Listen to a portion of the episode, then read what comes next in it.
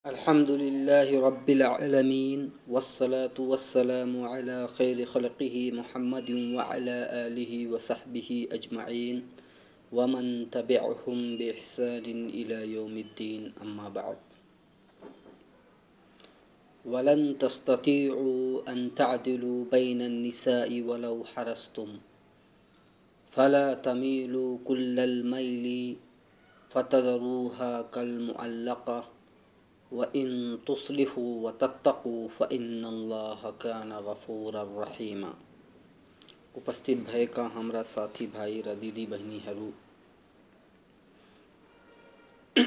आजको यस शुभ अवसरमा म तपाईँहरू समक्ष।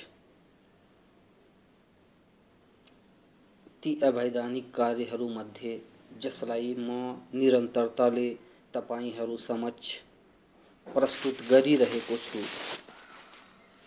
त्यसमध्ये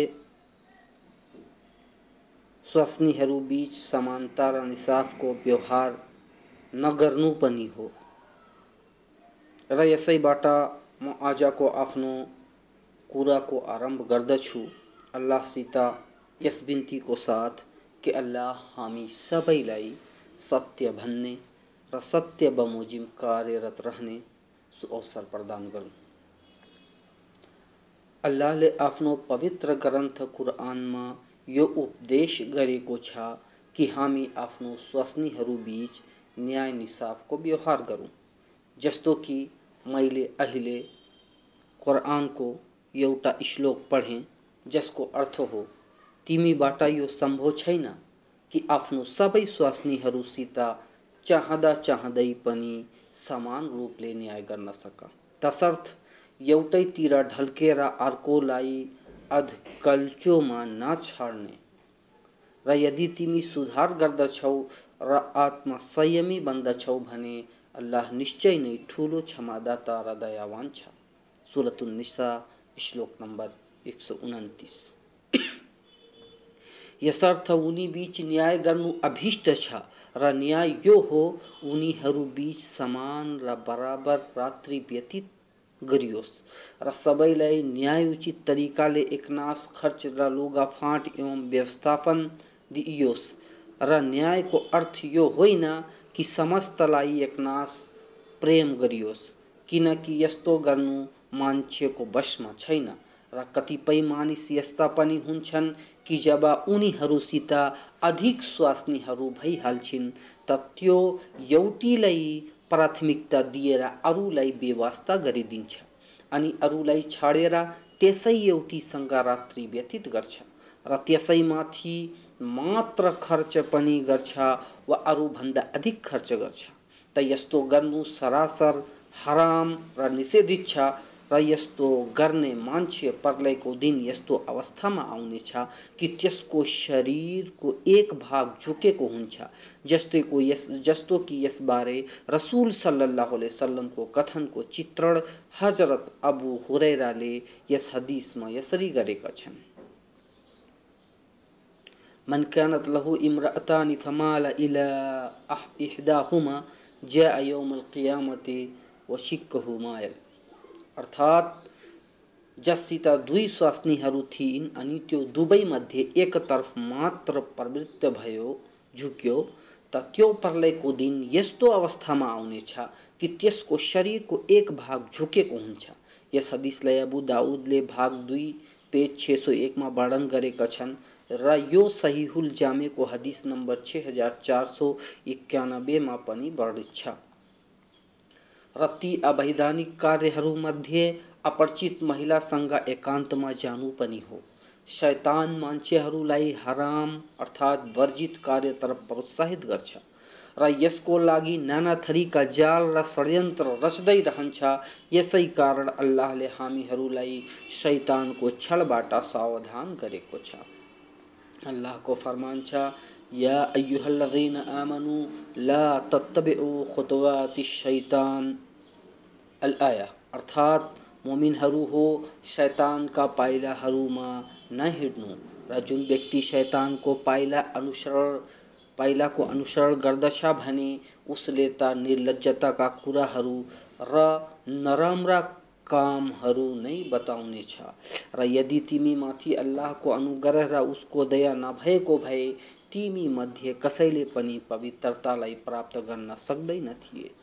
तर अल्लाह जसलाई पवित्र गर्न चाहन्छ गरिदिन्छ र अल्लाह, अति सुन्नेवाला र जान्नेवाला छ। सुरत नूर, श्लोक नम्बर एक्काइस र शैतान आदमका सन्तानहरूको रगतमा पनि दुग्रन्छ र शैतानको षड्यन्त्रमध्ये जसद्वारा शैतान मान्छेलाई व्यभिचारमा लिप्त गरिदिन्छ अपरिचित महिलासँग एकान्तमा लैजानु पनि हो।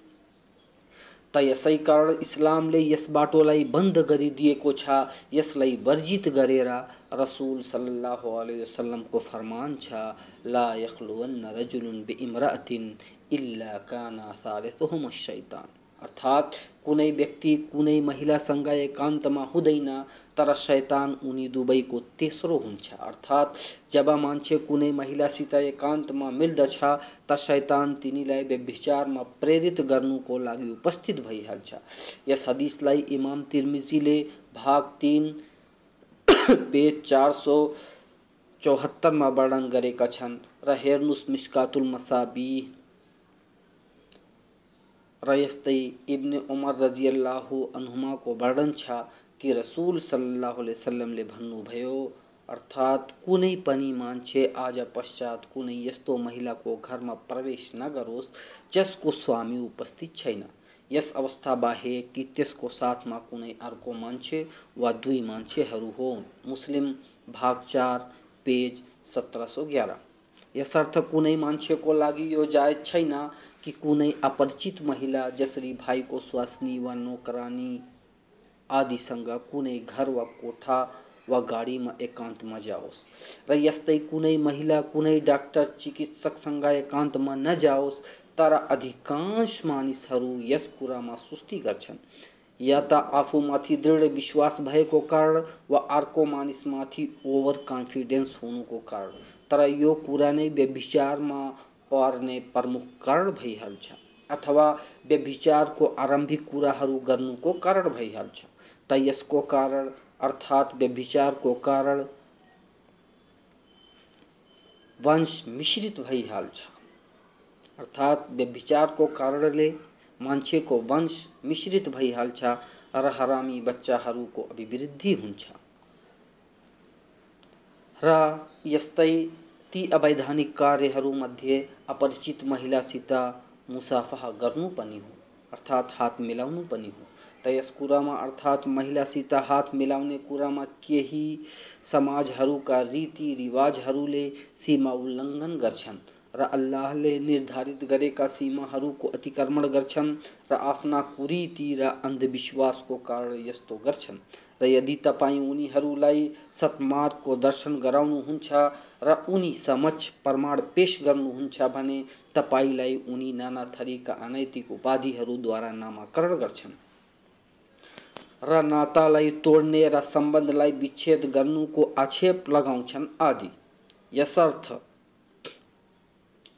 हाम्रो समाजमा काकाको छोरी खालाको छोरी मामाको छोरी स्वास्नीको बहिनी आदिसित हात मिलाउनु पनि खानुभन्दा सरल भइसकेको छ। तर यदि यस्तो कुकर्म गर्नेहरू, इस्लामी निर्देशनहरूलाई राम्ररी हेरेको भए यस्तो गर्ने थिएनन्।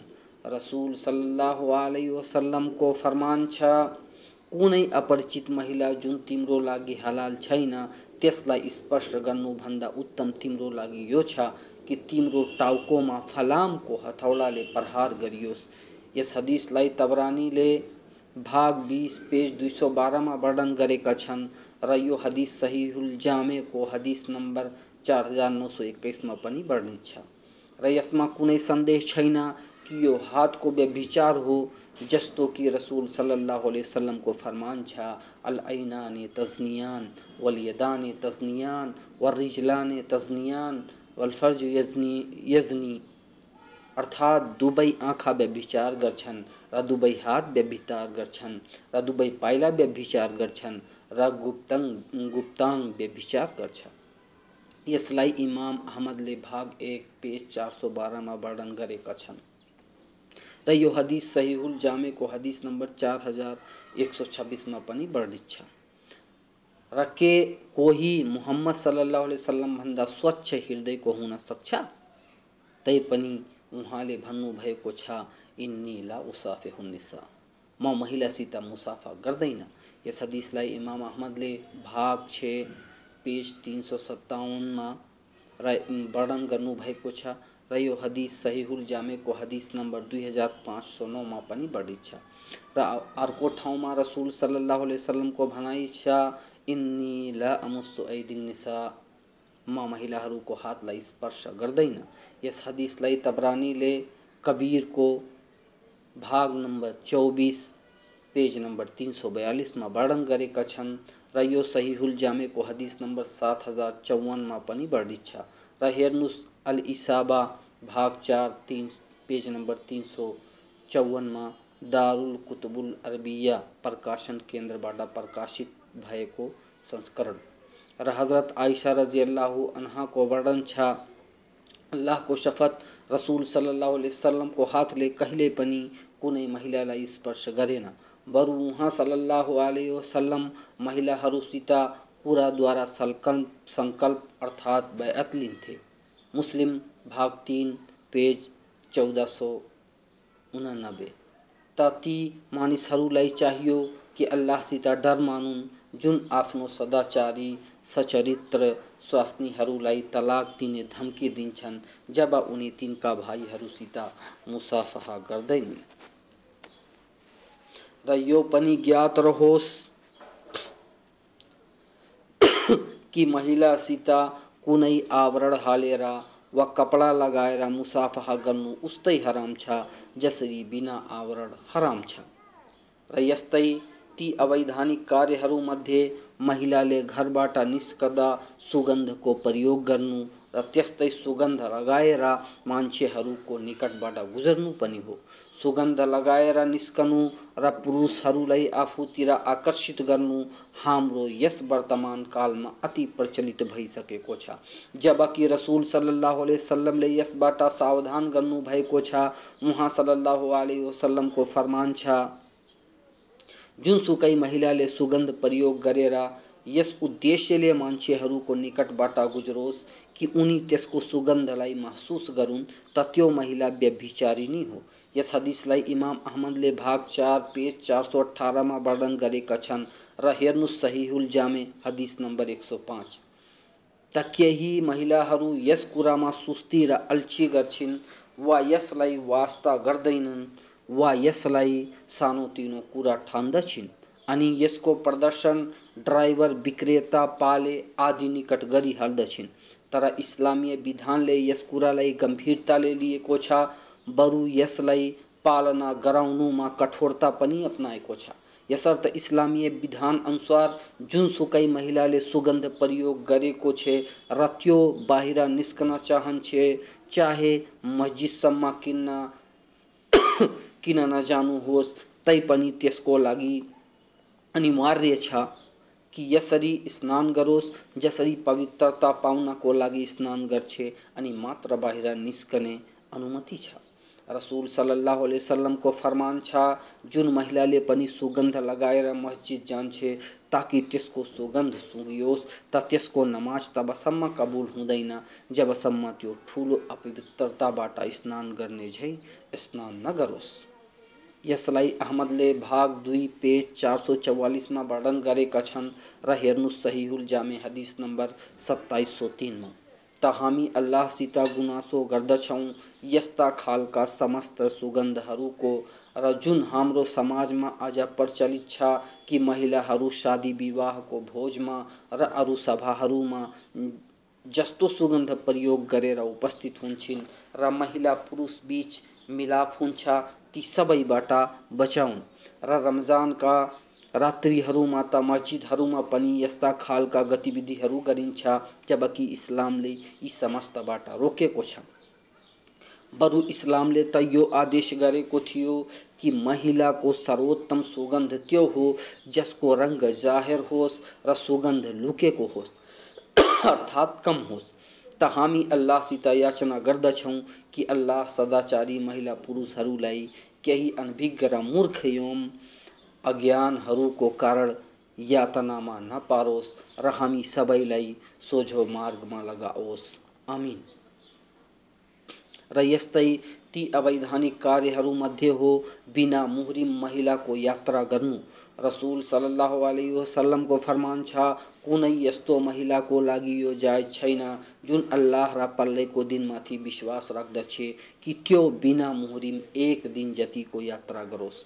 मुस्लिम भाग दुई, पेज नौ सौ सतहत्तर।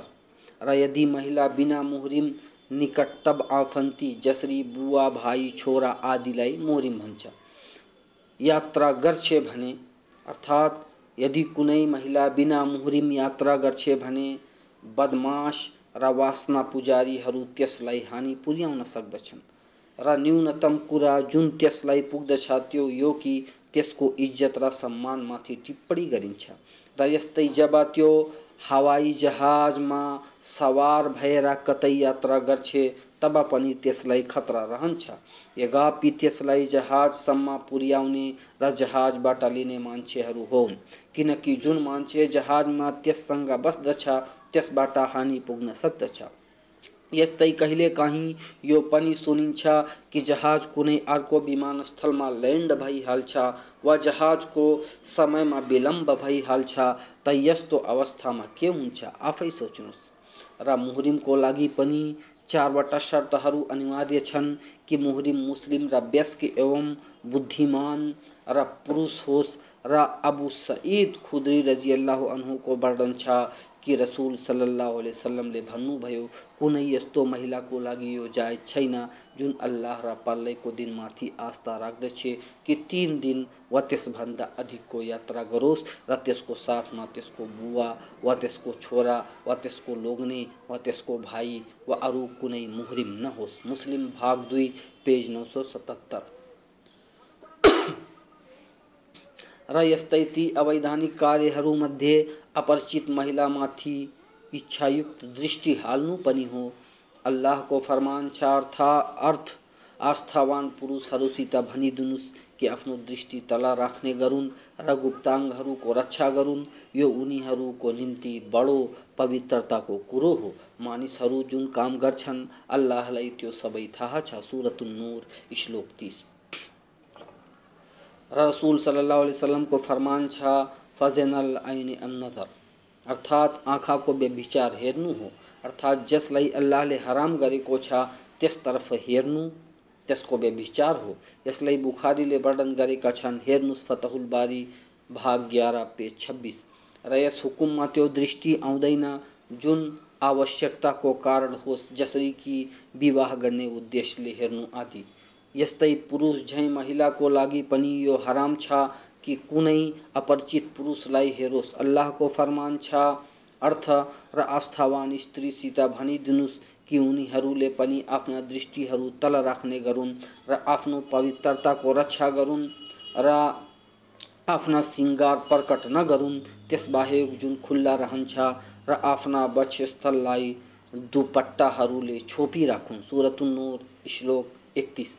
र यस्तै नाबालिग एवं सुन्दर युवकलाई वासनायुक्त दृष्टिले हेर्नु पनि हराम छ। र यो पनि जायज़ छैन कि कुनै मान्छे अर्को मान्छेको गुप्ताङलाई हेरोस्। र जुन गुप्ताङलाई हेर्नु जायज़ छैन, त्यसलाई स्पर्श गर्नु पनि जायज़ छैन। चाहे कुनै आवरण पछाडिबाट किन नहोस्। र केही मानिसहरूसित शैतान चाल चल्दछ र उनीहरूलाई आफ्नो षड्यन्त्रमा फाँस, फाँसी हाल्छ अनि उनी पत्रिकाहरूमा अश्लील फ़ोटो र चित्रहरूलाई हेर्न थाल्दछन् र भन्दछन् कि यो त फ़ोटो हो, वास्तविक कुरो होइन। तर यो प्रमाणित भइसकेको छ कि यस्ता खालका चित्रहरू वासनाको आगोलाई दन्काउँछन्। यसले गर्दा हामीहरूलाई चाहियो कि हामी सबै यस्ता खालका क्रियाकलापहरूबाट टाढा बसौँ र अल्लाहसित यो बिन्ती छ कि अल्लाह हामी सबैलाई यस्ता खालका क्रियाकलापहरूबाट बचाउन्। र अल्लाहसित यो प्रार्थना छ कि हामी मध्ये जुन पथभ्रमित छन् उनीहरूलाई पथ प्रदर्शन गरून्। र हामी मध्ये जुन बिरामी छन् उनीहरूलाई स्वस्थता प्रदान गरून्। र हामी मध्ये जुन निसन्तान छन्, उनीहरूलाई सन्तान प्रदान गरून्। र हामी मध्ये जुन जुन मानिसहरूमाथि कुनै प्रकारको हानि, नोक्सानी वा कष्ट आइपरेको छ, त्यसलाई अल्लाह आफ्नो कृपाले हटाइदिउन्। र हामी सबैलाई इस्लामीय निर्देशन अनुसार आफ्ना जीवन व्यतीत गर्ने सुअवसर प्रदान गरी हामीहरूलाई सफलता दिई स्वर्गमा प्रवेश दिउन्। वाखिर दावान अनिल हम्दुलिल्लाहि रब्बिल आलमीन।